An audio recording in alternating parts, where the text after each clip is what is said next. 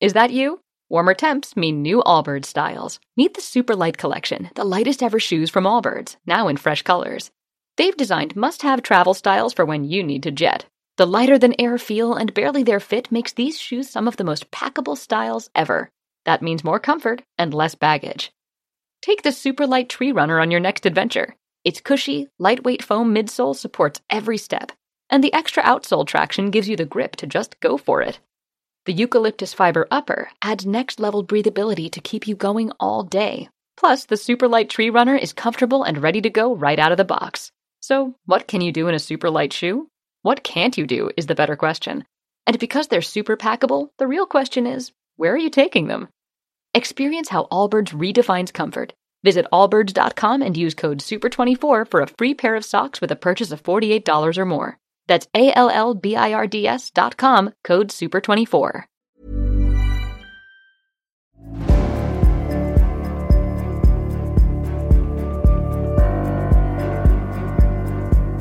Då är vi tillbaks igen ja, den här det. veckan med del tre av min och Anders Hesselboms eh, Pink Floyd special. Eh, och jag vill ju säga till er lyssnare som kanske hoppar in nu och inte har hört innan. Så jag och Anders Hesselbom har i flera år fått förfrågningar om en Pink Floyd special som vi har lovat ut i över två år. Eh, och nu Nu är vi inne på del tre. Ja, nu är vi inne på del tre och jag vill bara säga till er som lyssnar att under tiden som det här släpps så håller jag på att spela in nya samtal så att ni ska få det som ni kom för. Men nu får ni det som vi anser att är en mycket viktig kulturgärning, det vill säga Pink Floyd. Välkommen till Jannik och Anders Pink Floyd special del 3. Och jag sa väl också i början på del två att nej, det blir bara två delar. Men det var, vi började ju faktiskt i första avsnittet, för, förra avsnittet av samtal och prata om både vår relation till Pink Floyd och vi lyckades avhandla sju stycken album. Och det var väl egentligen fram till dess att deras karriär tog fart på allvar.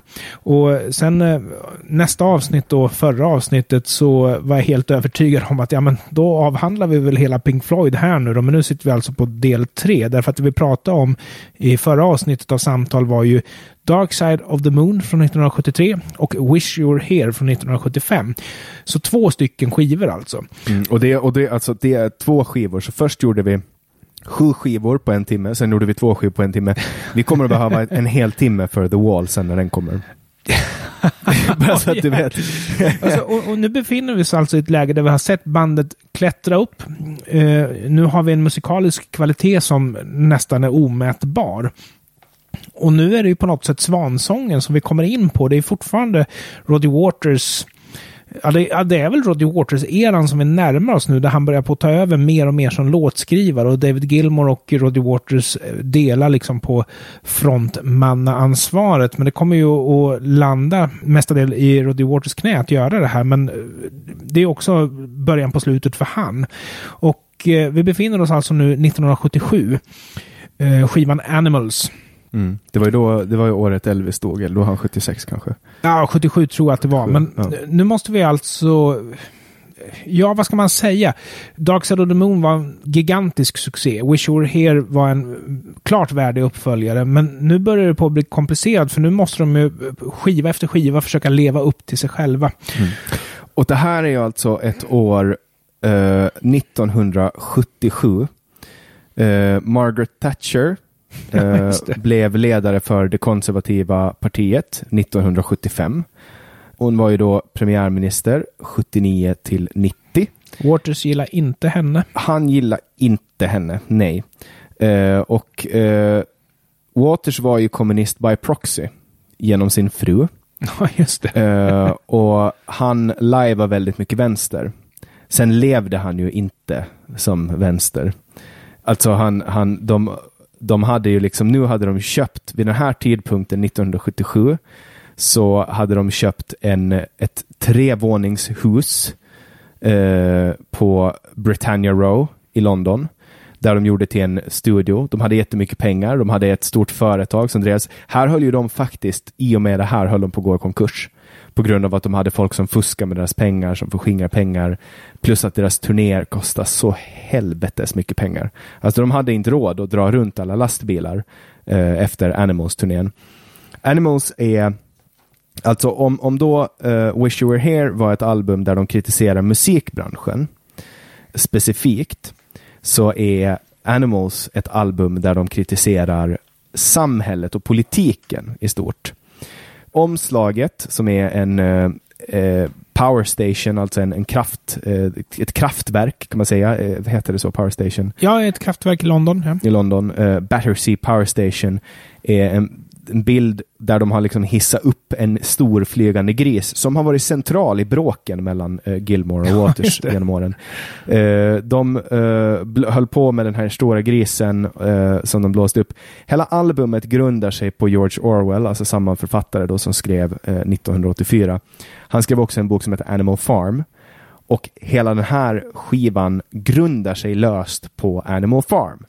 Den består av fyra låtar, lite beroende på hur man räknar. Eh, det är tre låtar egentligen. Pigs är tre olika låtar. Pigs on the Wing, eh, del 1. Pigs, Three Different Ones, det är del 2. Och Pigs on the Wing, part 2, som är del 3. eh, men det är alltså då eh, Pigs, Dogs och Cheap. Eh, mm. Varav det här albumet får vi säga nu har släppts i dagarna kanske två veckor när det här släpps, två eller tre veckor sedan, som en remixad variant. Men låtarna, äh, låtarna är väldigt kritiska mot politiken som gick i England då. Man pratar om man pratar om uh, kall, iskall uh, nyliberalism och så vidare. och så vidare.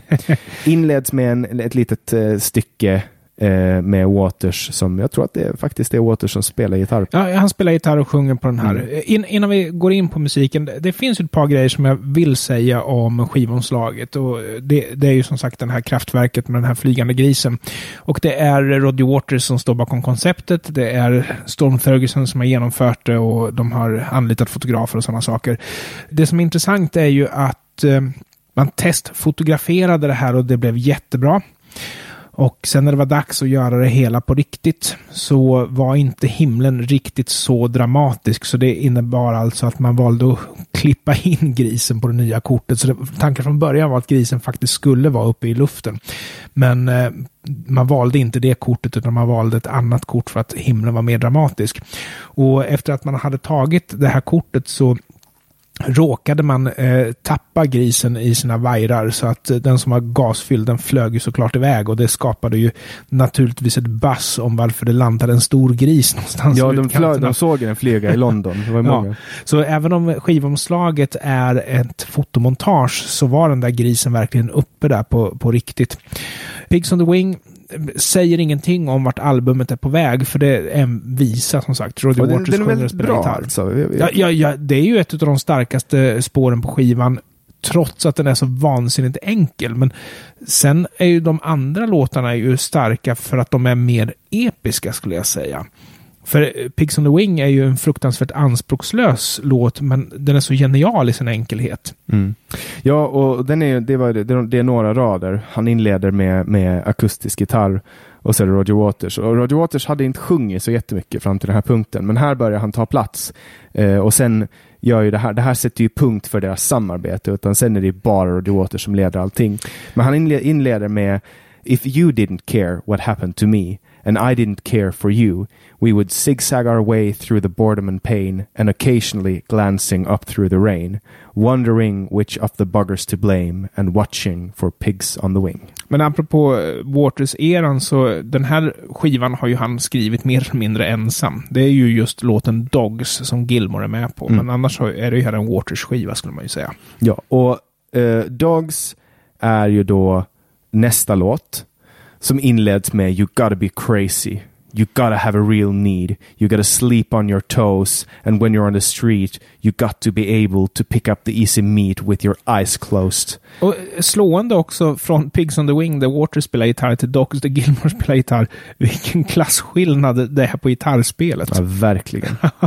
verkligen. Uh, nej, men som men sagt, så... Waters är ju eh, text och musikförfattare till skivan, men som sagt, Dogs är ett samarbete. Mm. Och Dogs, det är ju de då i Animal Farm som upprätthåller och som skäller och som är hundarna som, som styrs av grisarna i Animal Farm. Och Animal Farm är ju egentligen då eh, kritik mot eh, mot kapitalism, äh, men mot kommunism. Mm. Men Animals, albumet, är kritik mot kapitalism och nyliberalism. Vilket gör att det här blir lite konstigare. Så att eh, det, det, här är alltså, grisarna är eh, kapitalisterna och hundarna är de som liksom upprätthåller det. Uh, men den här är, uh, Dogs är uh, också en stark, jag gillar hur den liksom fejdar in det här Ja.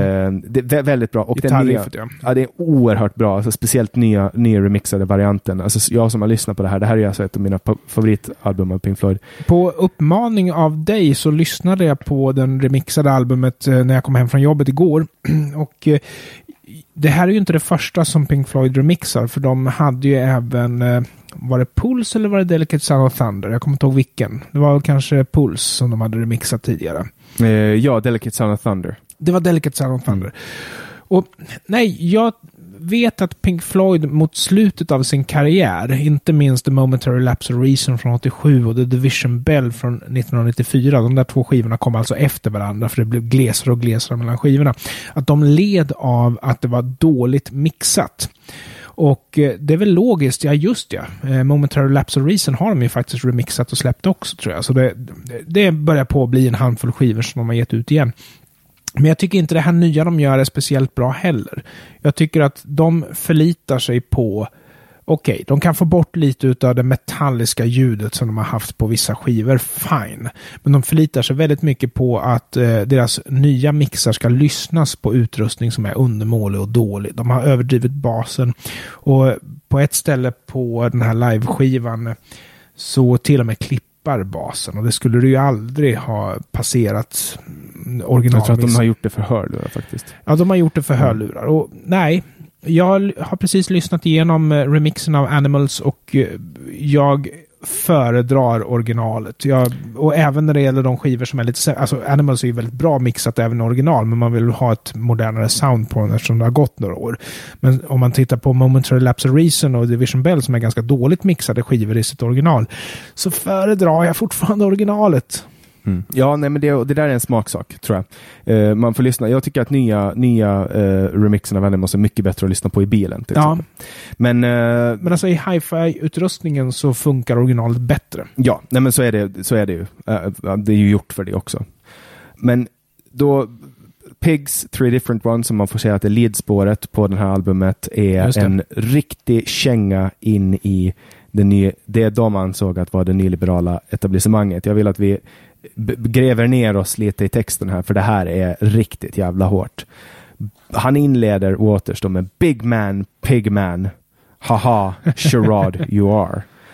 Uh, you well heeled big wheel, haha, charade you are.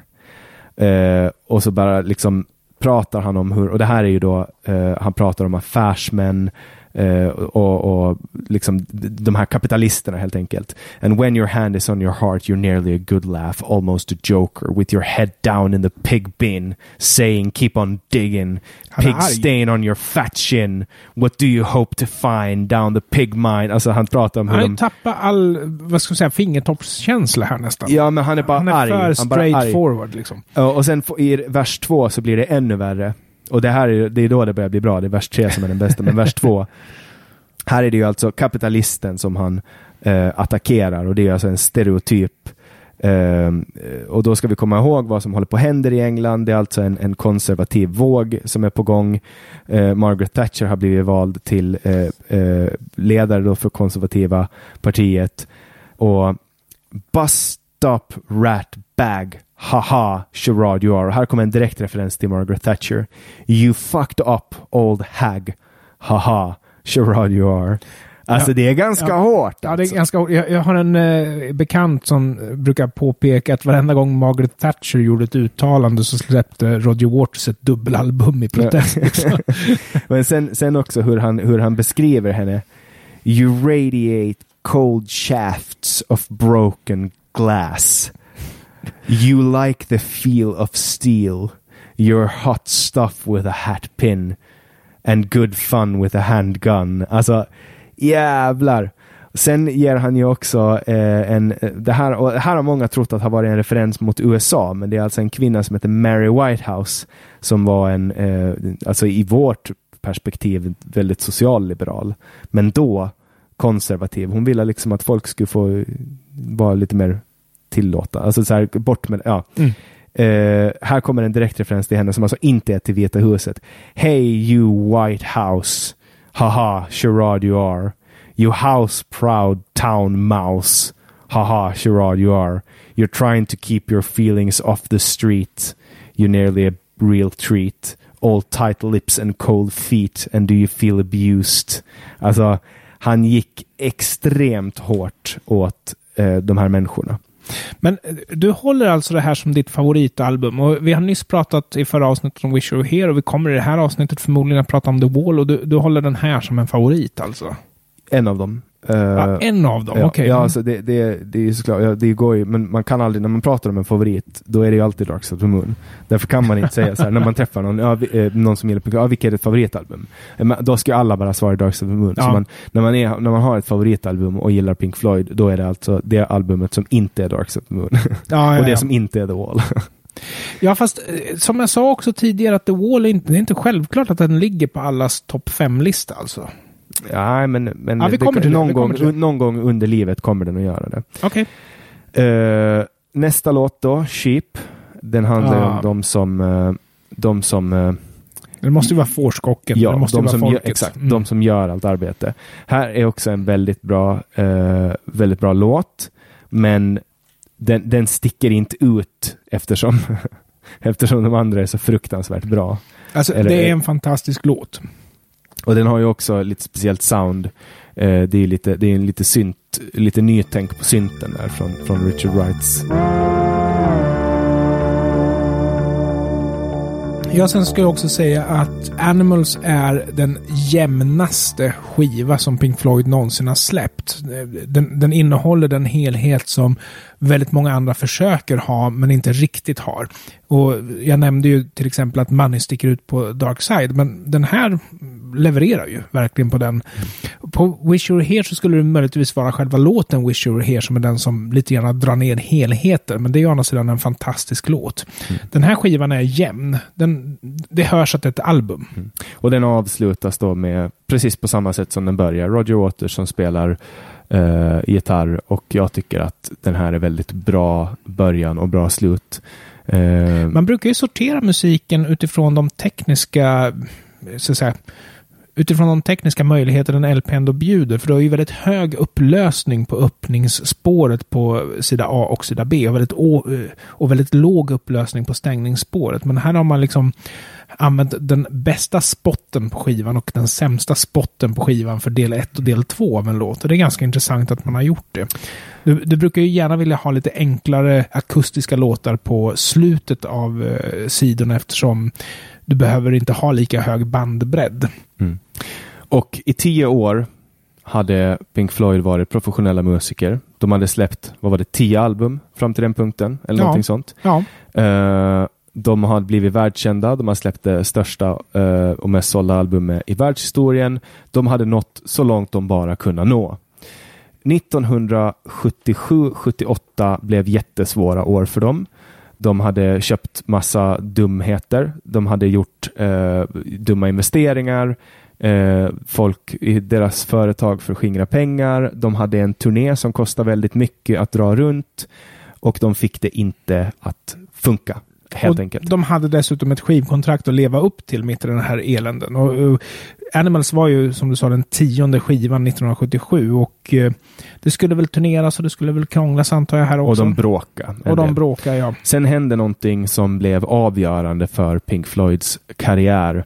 Det var under Animals-turnén eh, på Montreal Olympic Stadium som eh, Roger Waters såg folk som kom till konserten. Han blev irriterad på att folk kom dit och försökte dansa och hoppa med. De ställde ju upp parkett. På parkett ställde de upp stolar och så skulle folk sitta och lyssna på dem. Det var så man gick på en Pink Floyd-konsert. Uh, och, och, Roger Waters är ju också känd för att han går runt med hörlurar på scenen och har medhörning och lyssnar på metronom. Uh, för att allting ska vara perfekt. Han är perfektionist. Vid ett tillfälle så är det några uh, framme i publiken som låter väldigt mycket. Och Roger Waters går fram och spottar på dem. det här stod i tidningarna, brittisk press, eh, och han känner också att det här var inte bra. Vad håller jag på med? Så han börjar laborera med idén om att bygga upp en mur framför sig och eh, publiken. Och allt eftersom den här idén om att bygga muren kom så börjar han också bygga en förklaringsmodell för hur trauman fungerar. Mm. Och det var då han skapade karaktären Pink. Karaktären Pink är en blandning av Sid Barrett och Roger Waters eh, egen barndom och lite. Så det är 33 procent Sid Barrett, 33 procent Roger Waters och 33 procent fiktionell karaktär. Den här karaktären är eh, en person som är rockstjärna. Eh, han, eh, han spelar i ett band som heter eh, vad heter bandet? Är det The Bleeding Hearts? Nej, The uh, ja. Han bygger i alla fall upp den här karaktären och nu pratar jag självklart om albumet The Wall och nu ska jag på ett ganska, jag ska hålla, hålla en liten monolog. Bear with me nu Anders. Okej. Okay. The Wall är ett album som är 26 spår långt. Det ska lyssnas på från första låt till slutet. Det släpptes 1979 och konceptet bygger på att det är en person som heter Pink som använder droger. Han har psykiska problem och hans pappa har varit ute i kriget och dött i kriget. Pink har ett band som spelar musik och är väldigt kända och The Wall börjar med en låt som heter In the Flesh? Frågetecken. Hela albumet kan man säga börjar med att det är någon som mumlar We came in. Och av, vi kan, avslutningen får vi komma till sen. Men uh, In the Flesh är då Pink som framför en låt uh, men han ställer sig frågan om det faktiskt är han som är där. Uh, hela albumet cirkulerar kring att det är en, ett barn parallellt som Pink går in i ett heroinrus på ett hotellrum och lever i sig själv och lever sina trauman så får man följa en liten kille som växer upp i London. The Thin Ice till exempel är en, eh, det är andra spåret på The Wall som handlar om hur en mamma tycker om sina barn, hur himlen kanske ser blå ut men hur Uh, hur, hur uh, vattnet egentligen ser varmt ut men det är egentligen väldigt kallt.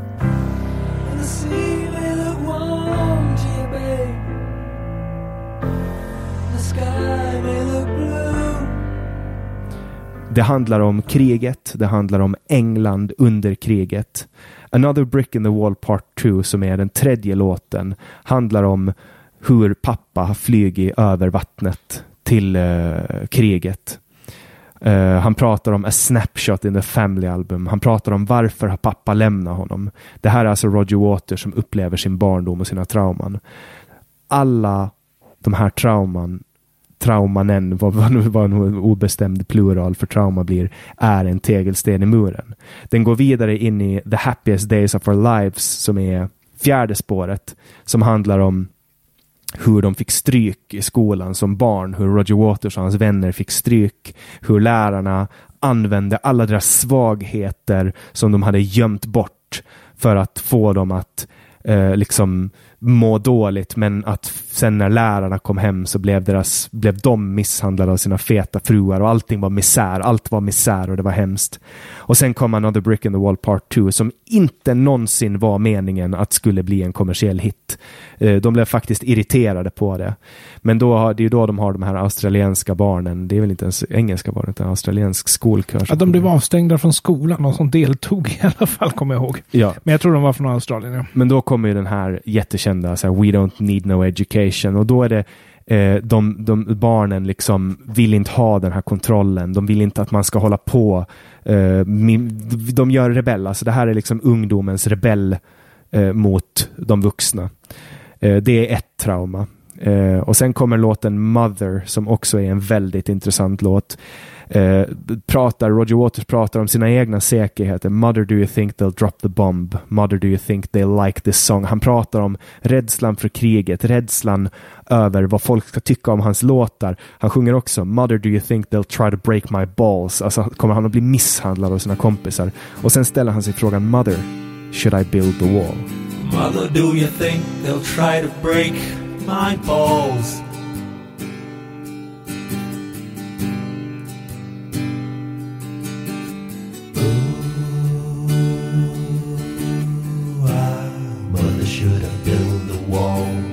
Och här någonstans så börjar idén i, i albumet, i historien om att bygga en mur komma. Mother should I run for president? Mother should I trust the government? Mother will they put me in the firing line? Eh, sen kommer en del där han blir reassured över att mamma kommer att stoppa in alla sina osäkerheter i barnet och här får man också... Det. Ja, det är så fantastiskt. Den texten blir mer och mer stöd för varenda vers som går. Den, den är absurd. Ja, alltså i slutet är det liksom Mama's gonna check out all of your girlfriends for you. Mama won't let anyone dirty get through. Mama's gonna wait up until you get in. Mama will always find out where you've been.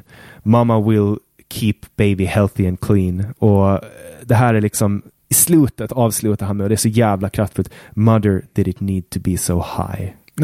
Och så avslutar den. Och då fattar man liksom, okej, okay, nu har han börjat bygga den här muren. Och då kommer en så fucking jävla kraftfull låt. Och du får svära för någon grata? Ja. Goodbye Blue Sky. Ah, och när man ser filmen som Gerald Scarfy har gjort. Alltså, Galet bra. Ja, och det här är Ja. liksom blixt, alltså bli- blitzen när det regnar bomber över England. Roger Waters och alla i i hans generation växer upp med att se de här flygen, höra de här sirenerna och allting. Och så hör man i början ett engelskt barn säga Look mommy, there's an airplane up in the sky. Och Just så det, börjar just den det. en jättevacker Ja. melodi. Och sen bara går den över till att bli skräckinjagande. Ja. Did, did, did, did you see the frightened ones? Did you hear the falling bombs? Och illustrationerna är ju, är ju, alltså illustrationerna är ju bisarra till och med. Ja, det är Ja. nazister Då- som slår sönder ansikten och... Och de, de, de har verkligen skruvat upp allt till max, men det är ju mycket kvar på albumet efter det där, ska jag säga. Det, Ja. det hinner ju svänga ett antal gånger. Ja, nej men också det här alltså, did you see the frightened ones? Ja. Did you hear the falling bombs? Did you ever wonder why we had to run for shelter when the promise of brave new world unfurled beneath the clear blue sky? Och eh, redan nu, alltså, det finns ju självklart mycket mer att säga om albumet, men redan nu så vill jag ju säga att The Wall har bytt innebörd under årens gång och det har aldrig riktigt varit riktigt lika bra som det var från början. Och Roddy Waters har ju kramat musten ur det här. Och jag, jag skäms inte för att säga att jag har haft väldigt trevligt när jag sett det här live. Man eh, gjorde ju det, Pink Floyd, eh, någon gång i början på 80-talet, en stor turné och man var väldigt trogen originalet. Man släppte det på film 1982. Och eh, om jag får göra lite reklam så kan ni ju gå in på YouTube och söka på Flimmer Duo The Wall. Då sitter jag och stirrar in i kameran och berättar vad jag tycker om filmen. Det kan ju vara eh, ett, ett tips. Men sen eh, 1990 kan det ha varit i samband med att man rev Berlinmuren. Då hade man skruvat till betydelsen igen. Jätte, jättebra gig gjort av Roddy Waters, det säger jag ingenting om. Men man har börjat urvattna konceptet. Men det passar ju väldigt bra. Det passade Alltså, väldigt bra för, ja, Det var, det var, men det var ju en fysisk mur och, och, och sen ytterligare har man ju skruvat till konceptet igen då när Roddy Waters turnerade två gånger, alltså två världsturnéer med The Wall. En, en liten turné för eh, Stadium och en stor turné för arenor så att säga. Och jag var ju på båda för man, man vill ha mer. När man ser vad han kan göra i Globen då vill man ju också se vad han kan göra på Ullevi. Liksom. Man, man vill veta. Ja, jag var där i Globen. Men, Ja. men vi- det, det ska gå tillbaks lite till den här historien för att det här är för Mm. viktigt för att liksom Ja. gå förbi. Så jag ska göra det så snabbt det bara går. Sen ska vi, sen ska vi avhandla den. Men han, han sjunger i slutet på eh, Goodbye Blue Sky The flames are all long gone but the pain lingers on. Alltså han pratar om den här trauman och ah, hela första delen av eh, albumet, vi är nu på eh, låt åtta på del ett när man kommer in på då Empty Spaces. Och det var ju den som jag började med att berätta om hela den här specialen om hur jag började lyssna på Empty Spaces. Det är Just här det. det här backwards-meddelandet fick spår Just det. åtta. Då. Just det. Eh, där sjunger han rakt ut What shall we use to fill the empty spaces? Eh, where we used to talk. How shall I fill the final places? How should I complete the wall? Och där finns det en låt som först kom till efteråt som jag tycker att är så pass viktig att, att vi borde ta den. Och den heter så mycket som What shall we do now? Kan det vara den? Watch... Och det är lite konstigt också att de har ju släppt specialutgåvor av The Wall och varenda gång så är det ytterligare en demo av Another Brick in the Wall Part 2. Men man släpper inte riktigt What shall we do now? Man vill inte ha... Studioversionen släpper man inte ifrån sig. Jag vet inte vad Nej. det beror på. Nej, jag, jag vet inte. Den släpptes i, i, i, i filmen så kom den. Men, Ja. men det, där, det, här, det här är alltså vad jag anser att vara en av de bästa tolkningarna och ett av de bästa liveframträdandena någonsin. Det är när Brian Adams Ah. spelar What shall we do now live i Berlin efter att muren har fallit 1991. Det är alltså dels så är det både en eh, ett dokument över hur 90-talet såg ut klädstilsmässigt. Var det inte 1990 de släppte 1990 den? kanske ja. men filmen kom 91. Ja, för jag. 89 revs ju muren rent... Förlåt mig. 1989 revs ju muren rent bildligt, men bokstavligt revs, revs den ju fysiskt 90, 1990. Ja. Mm. Då, eh, på den här låten så kommer efter Empty Spaces och jag, vill, jag, jag tycker att det här är så bra så nu kommer jag läsa hela texten. För att det här är, det här är också Shoot, samhällskritiken shoot. som kommer tillbaks. Han, han frågar vad ska vi göra med de här tomma uh, what shall we use to fill the empty spaces where waves of hunger roar? Shall we set out across the sea of faces in search of more and more applause? Och då pratar han om, eh, här, här hanterar han just det vi pratade om tidigare, om animals. Hur, hur ska de uppnå, när de har kommit till toppen av allt, hur ska de hantera sin success? Shall we buy a new guitar? Should we drive a more powerful car? Shall we work straight through the night? Shall we get into fights, leave the lights on, drop bombs, do tours of the East, contract diseases, bury bones, break up homes, send flowers by phone, take to drink, go to shrinks, give up meat, rarely sleep, keep people as pets, train dogs, raise rats, fill the attic with cash, bury treasure, store up leisure, but never relax at all, with our backs to the wall.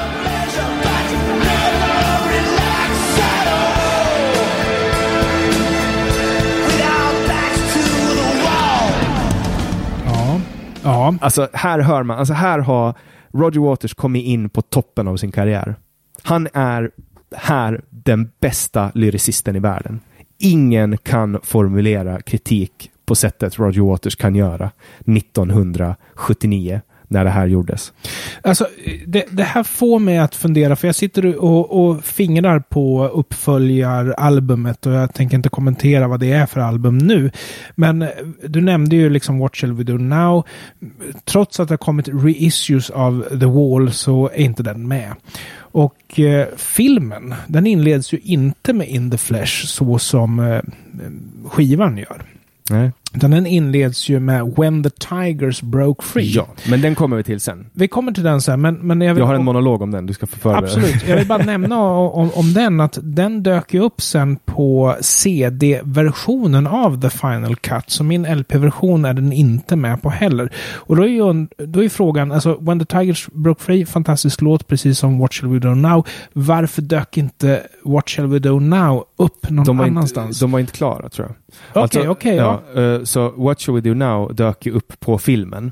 ja. På samma sätt som When the Tigers Broke Free. Och där ska vi också säga det, vi ska ta When the Tigers Broke Free, men den får vara mellan... Det kommer vi till senare, Ja, ja. mellan senare. Mm. Men, men just den här då, eh, på eh, studioalbumet, eh, istället för What Shall We Do Now så var det en låt som heter Young Lust, som egentligen bara handlar om sex. Eh, Men den, jag undrar om inte, den är ju faktiskt med i filmen den är med i filmen också. Det är ju för- då som de har liksom inne, det är ju då Pink, då karaktären Mm. Pink, ja. som är skapad, har massa kvinnor i sin trailer, i sin loge och håller på och har sex med dem. Och ironiskt nog, det enda som inte var med, alltså filmen innehåller ju ett par låtar som inte var med på skivan, men en låt som var med på skivan men som inte var med i filmen är ju Hey You som var en av de största hitsen ifrån skivan, men den, den hade de inte med i filmen. Ah, det är Jo, konstigt. den är med i filmen. Den är inte med i filmen. Du, det, nu ska vi se här. Kolla upp det och sen så tänk efteråt. Anders hade rätt. Okej, ja, Den är inte med i filmen. Ja, Young Lust i alla fall, där han, där, det, det är alltså då den här rock, Rockstar Dream. Just det. Eh, den, all, all, all, all den sexuella frustration som en ung pojke har för att bli en rockstjärna kommer ut i den här låten. Will some woman in this desert land make me feel like a real man? Take this rock and roll refugee, oh babe set me free. Ooh I need a dirty woman. Ooh I need a dirty gal. Hela, hela låten handlar om det. Finns ju också en låt sen som heter Sexual Revolution tror jag. Eh, Eh, eh, från Det var eh, lite kort eftersom du ändå tog upp den. Eh, Roddy Waters hade två stycken koncept med sig till bandet. Det ena var Pros and Cons of Hitchhiking och det andra var The Wall. Och eh, Sexual Revolution tillhörde... Just det, eh, just det fan. Så var och det ju. Pink Floyd fick ju då välja eftersom det var helt uppenbart att Roddy Waters skulle få sparken från bandet. Men att de... Det, det, vi pratar om Svansången nu liksom. Mm. Eh, nästa låt, och, och nu, nu är vi inne då på 9 och 10. Och här är det väldigt mycket Pink, så, alltså karaktären Pink som lever ut det som blir av att ha en traumatiserad barndom är att man börjar göra konstiga saker. Eh, och blir instabil.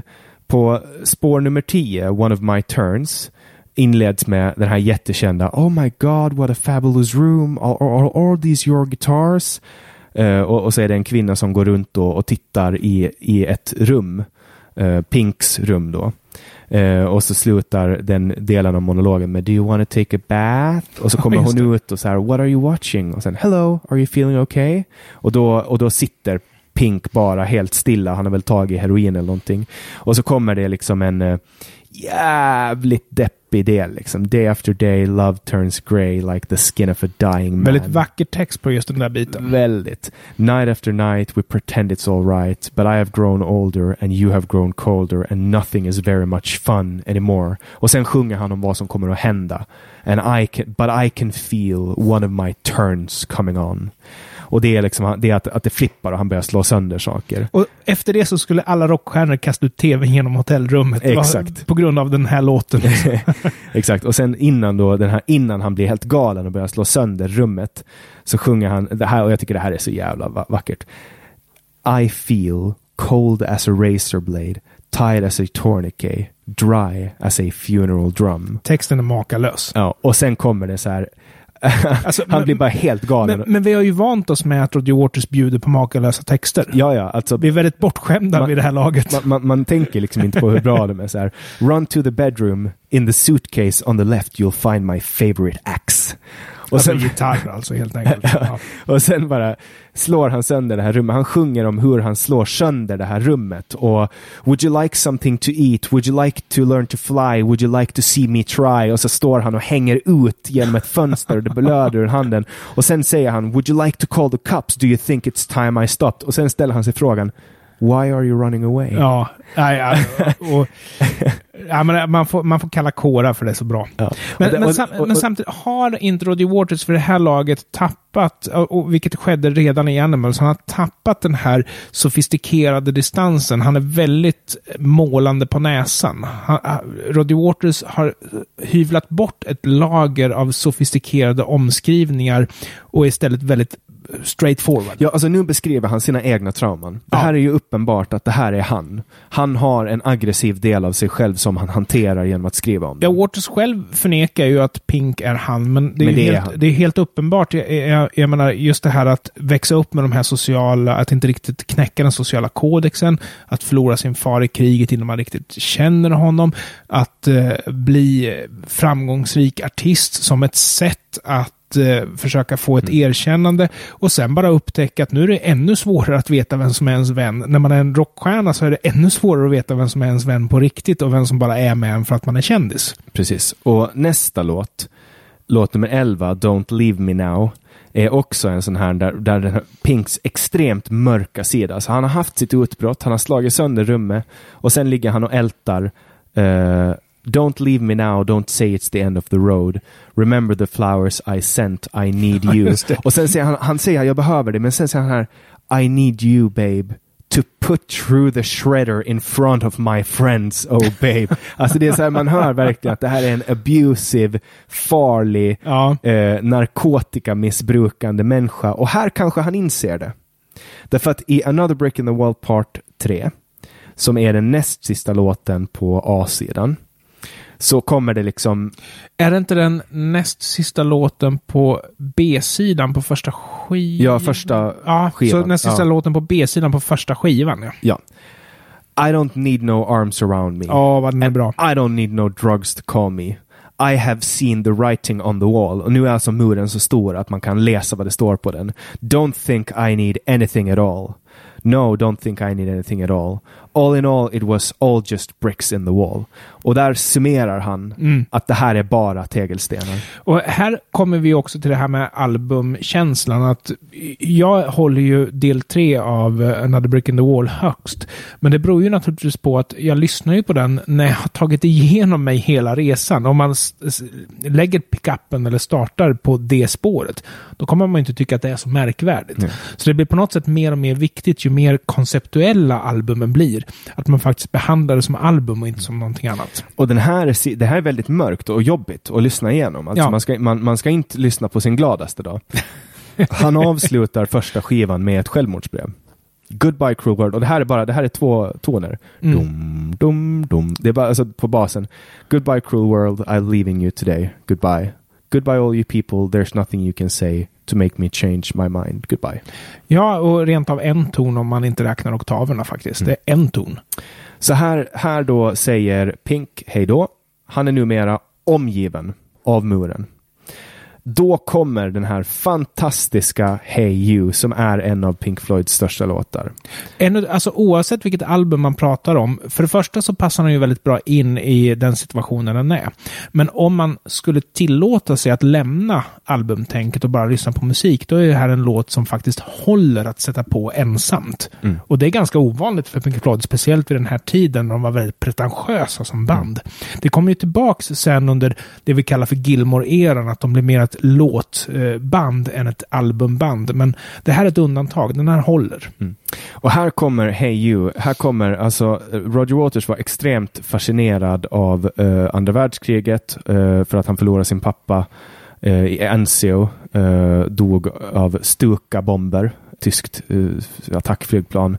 Här i Hey You kommer första gången nazismen in i bilden. Nazismen i The Wall eh, representeras av The Worms. Och The Worms är ett nazistiskt parti som Pink skapar som ska rensa ur alla dåliga känslor som han har. Och det är frågan om man skapar det eller om det är så att, att det sker i hans huvud. Det, det vet vi inte. Men, men det är Pinks konstruktion. Men förmodligen så skulle jag tro att det här är ju ingenting som egentligen händer. Utan det här är så han löser problemet på konceptuell nivå i sitt huvud, skulle jag säga. Så nu på andra delen av skivan som börjar med Hey You, då är alltså eh, Pink inne i sitt eget huvud. Och det han upplever är någonting helt annat än vad världen runt om honom upplever. Och här är en dialog. Hey You är en dialog med sig själv. Uh, hey you out there in the cold, getting lonely, getting old, can you feel me? Hey you standing in the aisles with itchy feet and fading smile, can you feel me? Och sen sjunger han om uh, hur han befinner sig där och sen kommer ett mellanspel där, där det egentligen är som en, en observerare som pratar att men det här är It was only fantasy, the wall was too high as you can see, no matter he could how matter how he tried he could not break free and the worms ate into his brain.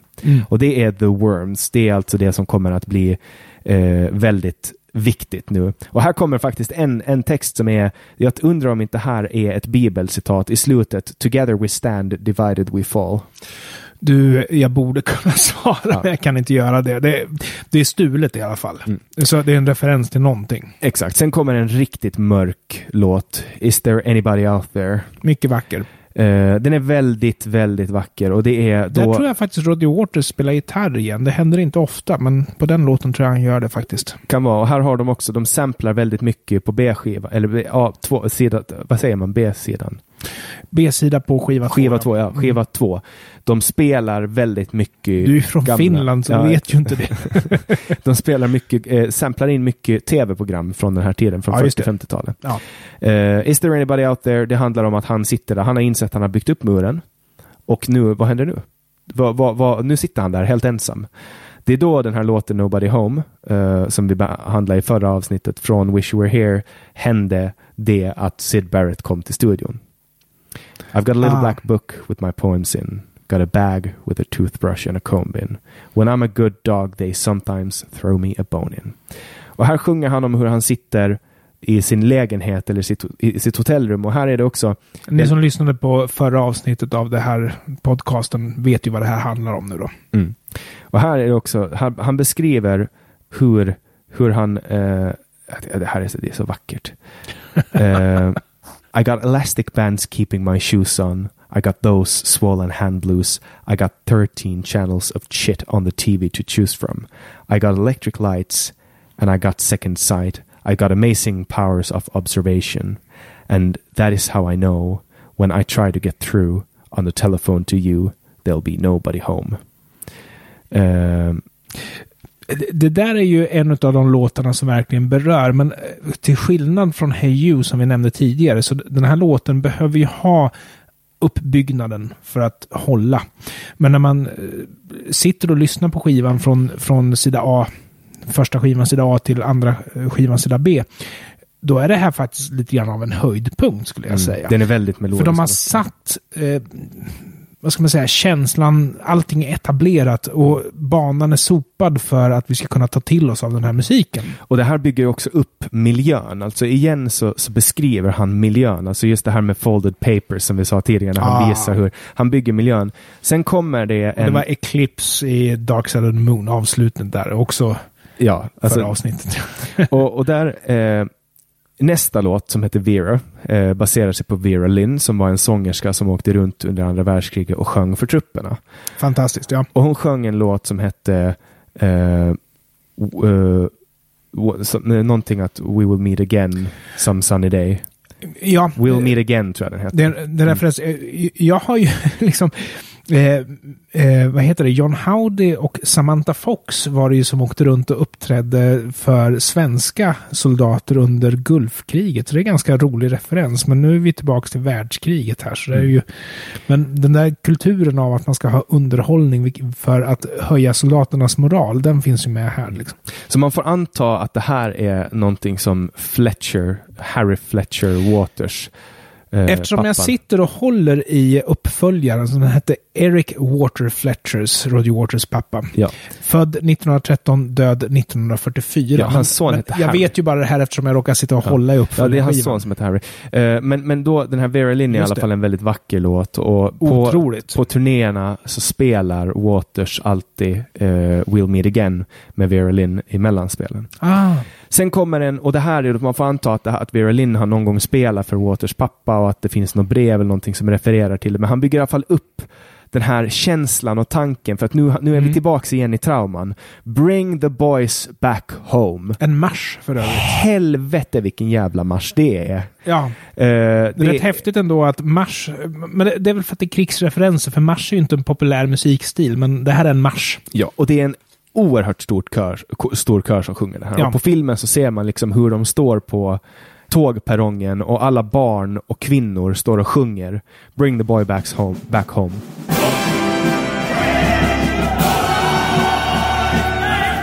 Sen kommer Comfortably Numb. Och det är väl ett av Gilmores bidrag då, för där tror jag han står för musiken och, och Waters för texten. Om Mm. inte. I övrigt så är ju The Wall lite grann av en soloskiva från Waters, men Ja. här har Gilmore skrivit Och det finns musiken. två solon. Ja, du- det finns två solon dessutom. Och jag menar, de ska man ju inte... Även när det är så att det är Waters som har skrivit låten själv så ska man ju komma ihåg att förmodligen så är det ju Gilmore som har skrivit solorna. Men här är det ju Gilmore som står för musiken. Mm. ja, solo nummer två är det bästa eh, i världshistorien.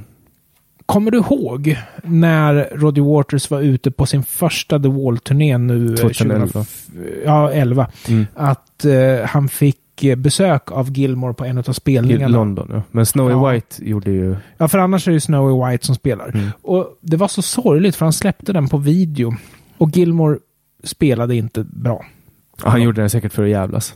Nej, jag tror att jag tror han, hade, han var inte uppvärmd. Det är vad jag tror. Mm, antagligen. Han kom antagligen bara dit, för det var på O2 Arena. Han kom dit och blev 2011. övertalad av gå- att gå upp på scen och sen så hade han väl taskig medhörning eller vad det var liksom. Men, Mm. men det var sorgligt. Ja. Ja, när, jag såg, som, när, jag, när jag såg Snowy White där 2011 i Globen, alltså jag grät. Alltså Ja. tårarna rann.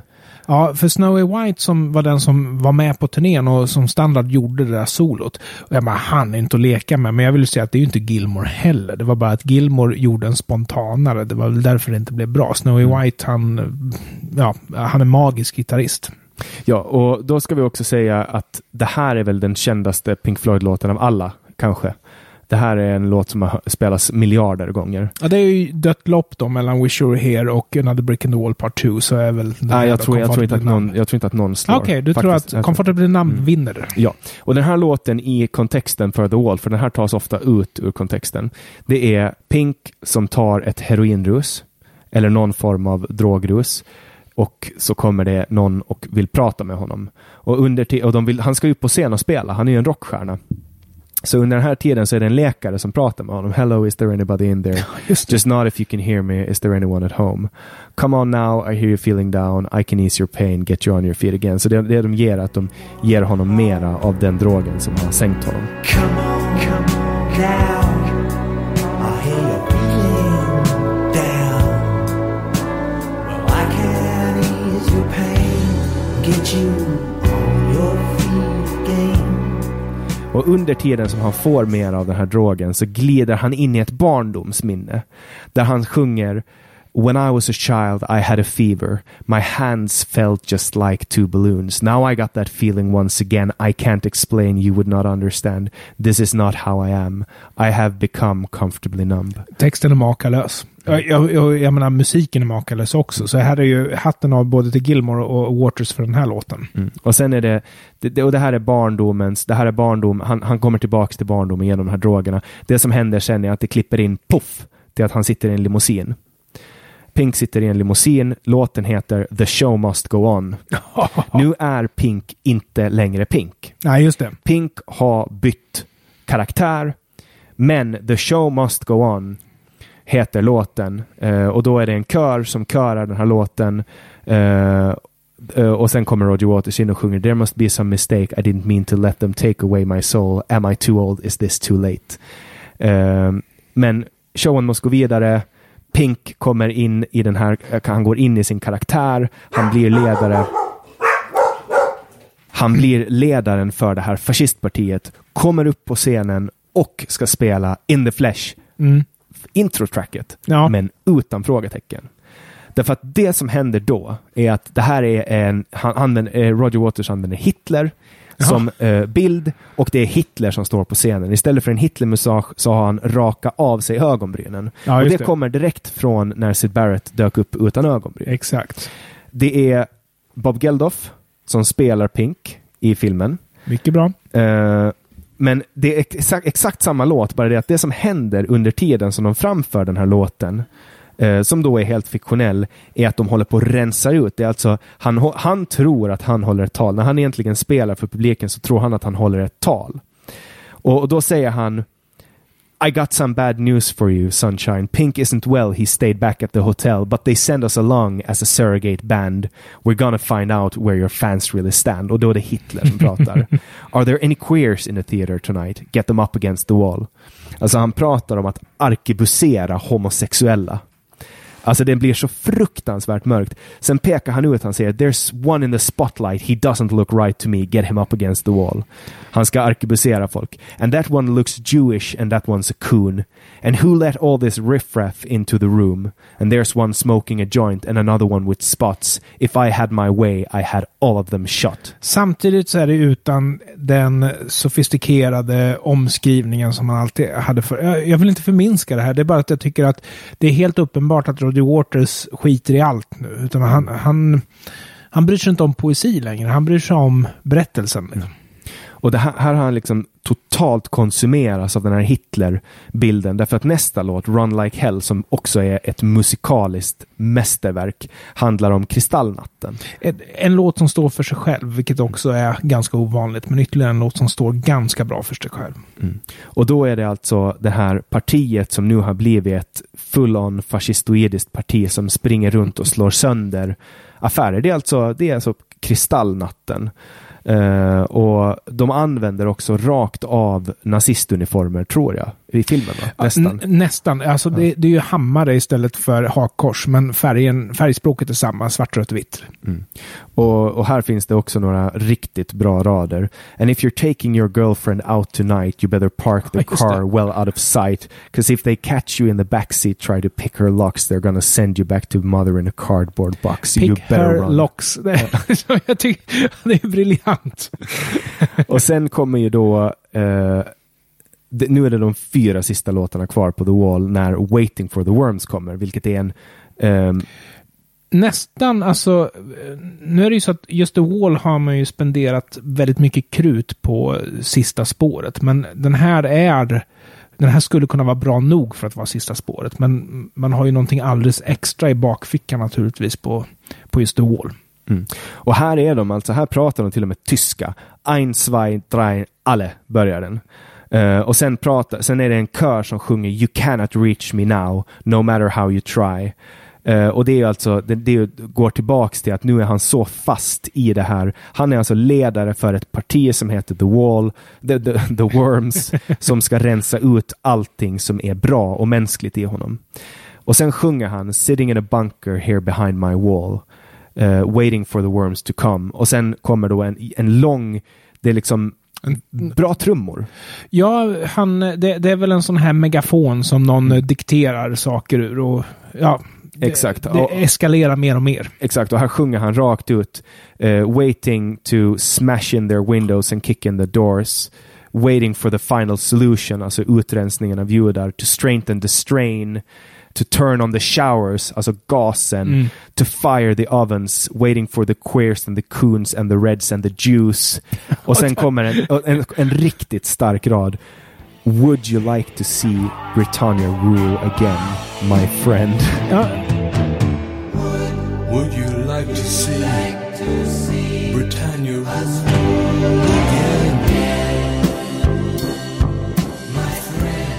men som jag sa, eh, det är inga omskrivningar här. Nej, nej, det är rakt på. Eh, Men sen då avslutas ju det här i ett stort crescendo Ja, och så är det någonting rationellt i honom som dyker upp. Och det är det här som är avgörande för den rättegången som kommer. mm. Han sätter sig ner och så ger han upp och så säger han I wanna go home, take off this uniform and leave the show. I'm waiting in this cell because I have to know, have I been guilty all this time? Och då kommer det som jag aldrig har sett någon någonsin göra förut. Det är när de bygger upp the trial. ja. Och har man hört den här förr, eller sett den här förr, då bara när man hör den här ljudet av den knarrande dörren som kommer då, så vet man ju var man ska komma. Och, det, och då är det nästan så att man får rysningar. För som jag sa, alltså, eh, många av de låtarna som, är- som är mot slutet av The Wall skulle kunna vara bra nog att verkligen avsluta albumet. Men här har man ju sparat då och då har man ju använt Roger Waters tillsammans med Bob Esrin som för övrigt är känd, mest känd för sitt arbete med Kiss. Eh, har skrivit en eh, Rockopera. en rockopera, ja precis, för de använder ju faktiskt klassiska instrument, men det är en rocklåt. Och så har de gitarr.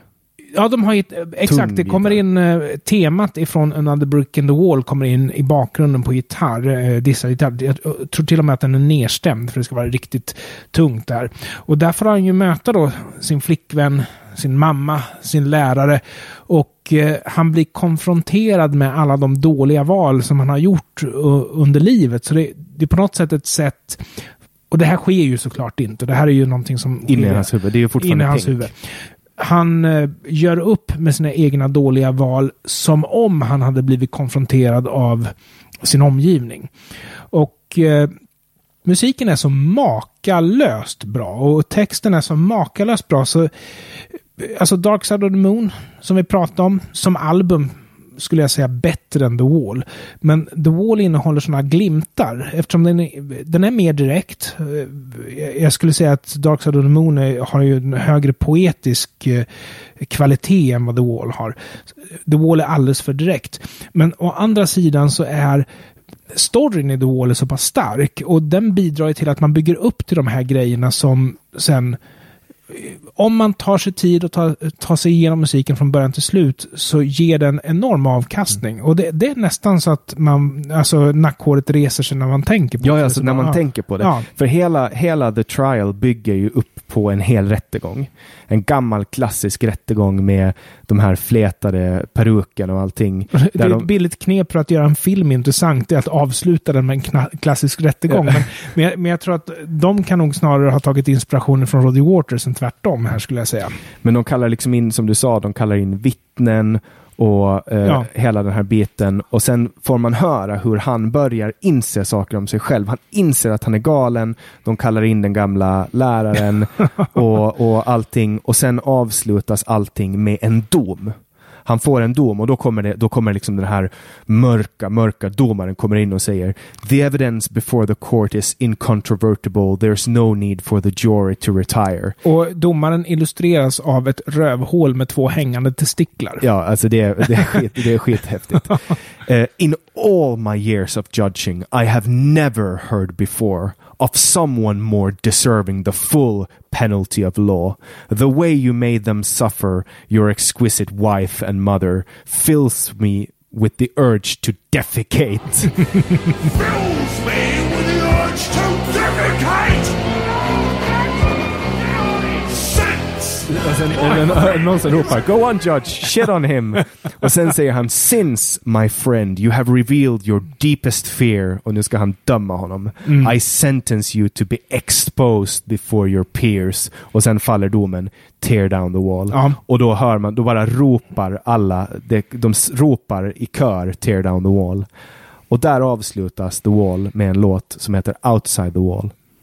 Som En visa skulle jag säga. Ja, en liten visa som avslutas med, för att återknyta till början, med någon som säger Isn't this where? Och sen börjar albumet om Och- med Where We Came In. Ja, och, ja, precis. Och är man lite, lite noggrann och skruvar på volymen högt rekommenderar jag naturligtvis inte att man gör det för då spräcker man högtalaren när In the Flesh frågetecken dyker upp.